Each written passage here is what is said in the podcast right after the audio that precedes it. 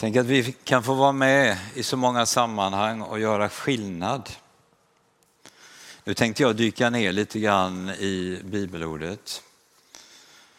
Eh, Ylva har ju läst ifrån eh, Jesaja om eh, eh Jesu födelse. Och en alternativ text om vi tänker på de här tre vise männen som kom långt ifrån och som eh, hade med sig gåvor. De följde en stjärna på himlen, en stark stjärna. Och den här stjärnan den stannade i Betlehem vid ett stall och där inne hittade de någonting alldeles speciellt. Men tänk om det istället hade stått att där i halmen så hittar de en bok med förgyllda, sniliga texter. Guds budskap till världen, Guds evangelium. Nej, de hittar ett litet hjälplöst barn Budskapet från Gud, evangelium, är inte bara en bok, ord, en lära. Framförallt är det en person. Jesus var budskapet till världen, fast på ett annat sätt. Och när vi läser texterna för den här söndagen så handlar det om när Jesus då gick in i tjänst 30 år senare. Och en av texterna den är skriven 700 år innan det här dopet i Jordan. Jesaja 42 från första versen. Detta är min tjänare som jag ger kraft, min utvalde som jag har kär. Jag låter min ande komma över honom och han ska föra ut rätten till folket. Han ropar inte, han höjer inte rösten, hans stämma hörs inte på gatorna. Det knäckta strået bryter han inte av, den tynande lågan släcker han inte. Trofast skall han föra ut rätten. Han ska inte tyna bort eller knäckas innan han fört rätten till seger på jorden. Fjärran länder väntar på hans undervisning. Så säger Gud, Herren, han som har skapat himmel och spänt ut den, brett ut jorden med allt vad den alstrar. Han som gett liv åt människorna där, livsande åt dem som vandrar på jorden. Jag, Herren Gud, har i min trohet kallat dig. Jag tar dig vid handen, skyddar dig. Genom dig ingår jag ett förbund med mitt folk till ett ljus för de andra folken. Och går man sen 700 år längre fram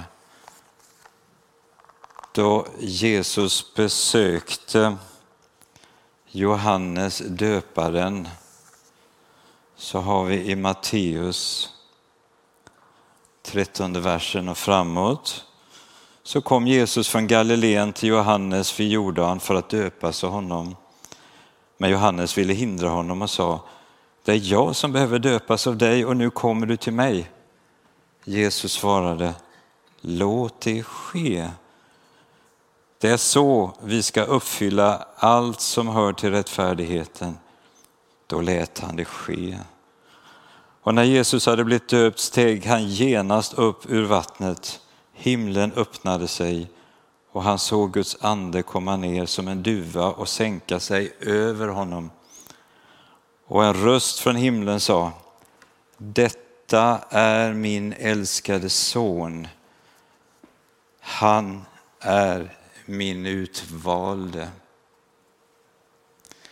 Nej, det var ingen bokrelease där vid Jordandalen för den här boken, budskapet, läran som Gud hade skickat till jorden. Nej, det var en invigning av Guds son sänd till världen.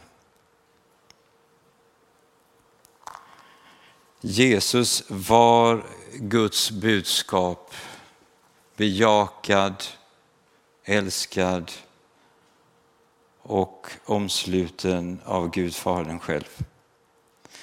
Så det var inte bara de ord som Jesus sa som var det viktiga.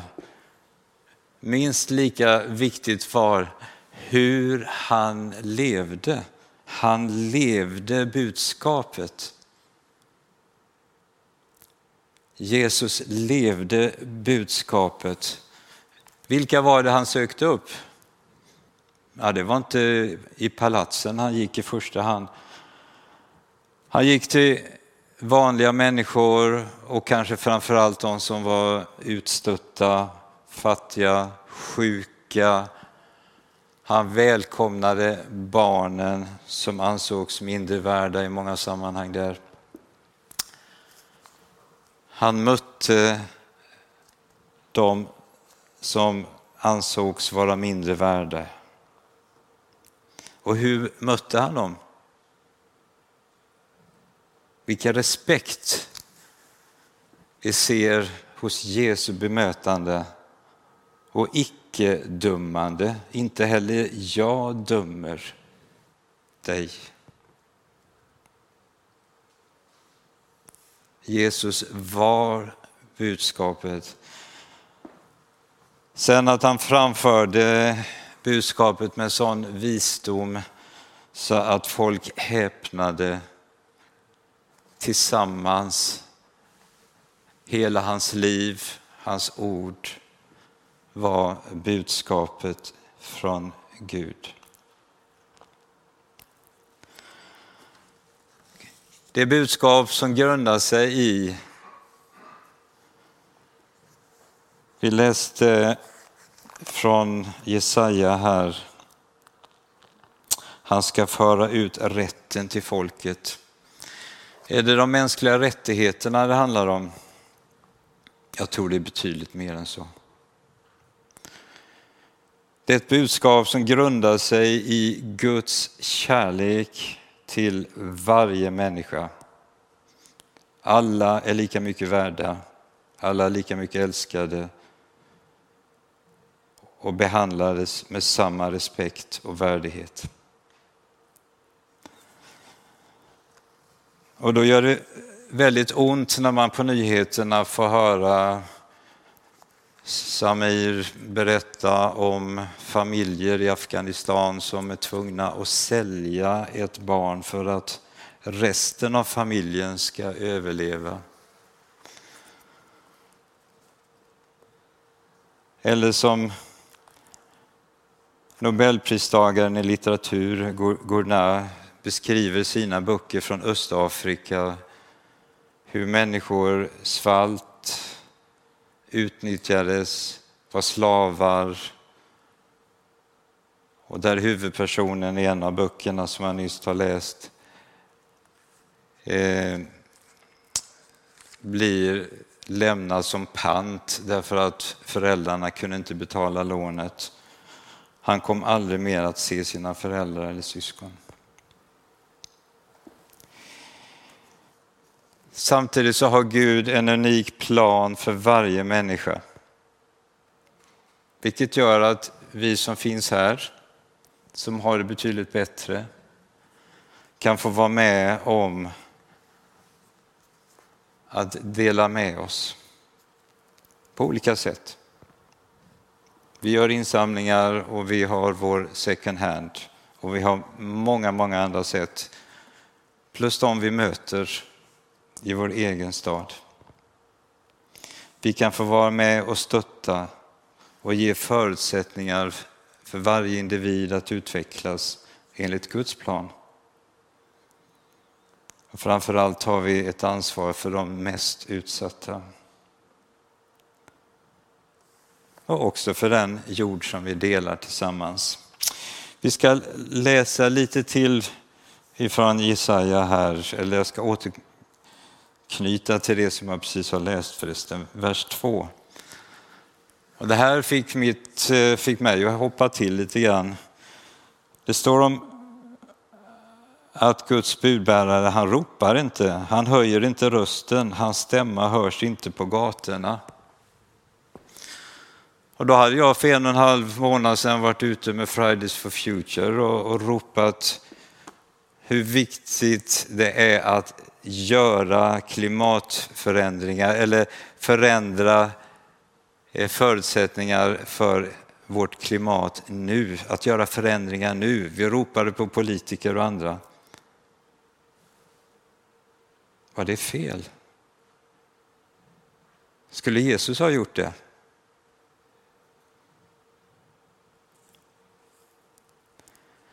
Jag tror att Jesu budskap är betydligt mer revolutionerande än det vi försöker på olika sätt att framföra.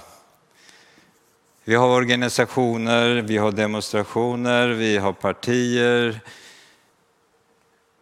Vi använder olika former kanske av maktmedel, pengar för att få igenom beslut, medlemsförteckningar. Vi kanske till och med använder samhällsomstörtande verksamhet för att få igenom förbättringar i vårt samhälle. Ändå så tror jag att Guds budskap, Jesu budskap är betydligt mer revolutionerande. Mer genomträngande och mer hållbart. Jesus, han bygger underifrån. Han lyfter upp, han stärker det svaga.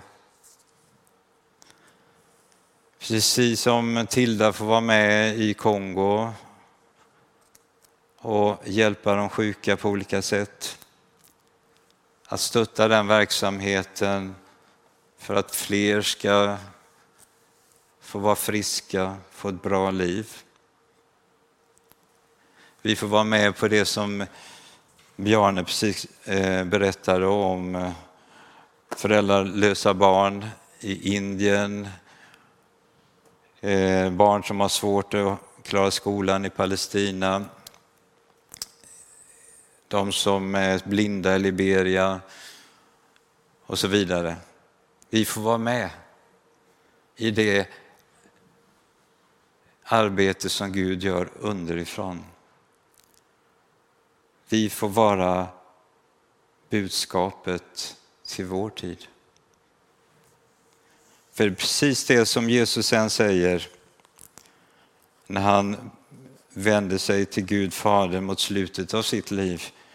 Som du sände mig, säger han till Fadern, så sänder jag dem. Och sen eh, vid ett annat tillfälle så vände han sig till lärjungarna och lämnade över det vi kallar för missionsbefallningen. En uppmaning att fortsätta hans uppdrag. Och vi kan också läsa i Korinthierbrevet att vi är Kristi kropp. Vi är budskapet i denna tiden. Så vet att du är älskad och utvald. Kan vi vila i det? Kan vi landa i det? Att vi är älskade och utvalda av Gud.